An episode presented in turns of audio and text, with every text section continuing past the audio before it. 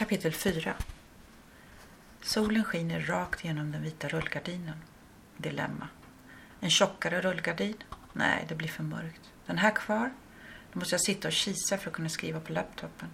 Vad ska jag göra? Flytta laptopen till andra sidan. Då reflekterar ljuset i skärmen och då ser jag inget. Suck. Vet inte. Låta bli att skriva. Börja med att måla tills ljuset blir bättre. Varje gång jag målar försvinner allt som är obehagligt, ledsamt eller jobbigt. Är det inte underligt att en pensel med färg kan göra så mycket? Händerna luktar linolja och grönsåpa. En lukt som jag tycker nästan lika mycket om som, som lukten av, hur ska jag beskriva, lukten när man kliver in i en trappuppgång till en stor stenbyggnad. Som ren, klar källarlukt. Nej, det låter mögligt. Som, som, som ren, klar, regnblöt tegelsten. Lukter i minnen. Vilket minne är det som hör ihop med trappuppgång lukt?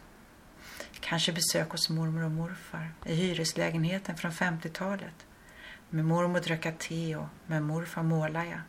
Ja, eller rättare sagt, morfar målade och ibland fick jag måla precis som han målade.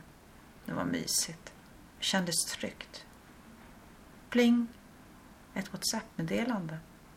Hoppas på en telefontid. Konstigt egentligen att oftast skickas en WhatsApp med frågan Har du tid? Ska vi prata? Läser på skärmen. Mitt hjärta slår över och klumpen skickas upp i halsen. Sånt man inte kan hjälpa till att ändra eller lösa och som verkar så tungt att bära. Känner att tårarna vill något som inte jag vill. Hjälplöshet är värst. Skriver snabbt. Andas in, andas ut, älskar dig. Visst kan vi höra senare. Sätter dit ett hjärta och en smiley som ger en luftpuss. Och nu? Vad ska jag göra nu? Det var ingen som berättade att ju äldre man blir, vuxen och omringad av vuxna, barnen vuxna, syskon och föräldrar vuxna, ändå, ändå är det istället ännu fler saker man inte kan lösa, hjälpa till med, förändra. Så vad kan jag göra då? Tala om att jag älskar dem, att jag lyssnar, att jag finns, om de behöver något. Men räcker det? Inne i mig sitter en liten flicka och skriker. Ta bort allt det svåra. Ta bort allt det onda. Vilka är vi, människorna? Humans. På Wikipedia står det beskrivet. Det är nästan komiskt att läsa. Det är skrivet på ett sätt som får mig att tro att författaren ger information till en utomjording. Så att den vet vad det är för konstiga varelser som styr och ställer här på planeten. En del av beskrivningen är Humans pass on their skills and knowledge to the next generation and so are regarded as dependent upon culture. Med kameran besöker jag festivaler och andra platser med många människor, unga och gamla. Jag fotograferar deras ryggar. De tittar på något jag inte kan se. Ser de människan? En människa som gör något, visar något, delar med sig av kunskap av kultur. Ryggarna visar inte ett spår av vad de ser. Kan vara vad som helst. Det känns overkligt.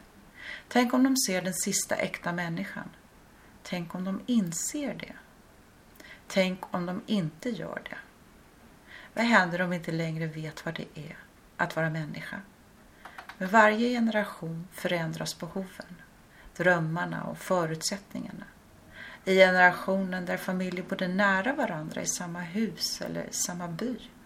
Det fanns en sträng plan från början hur livet skulle se ut med liten plats för förväntningar och drömmar. Somliga tyckte nog att det var skönt, ordning och reda, inte så många beslut att ta och för andra var det säkert ett fängelse. Nu kan vi, vilket är underbart, välja.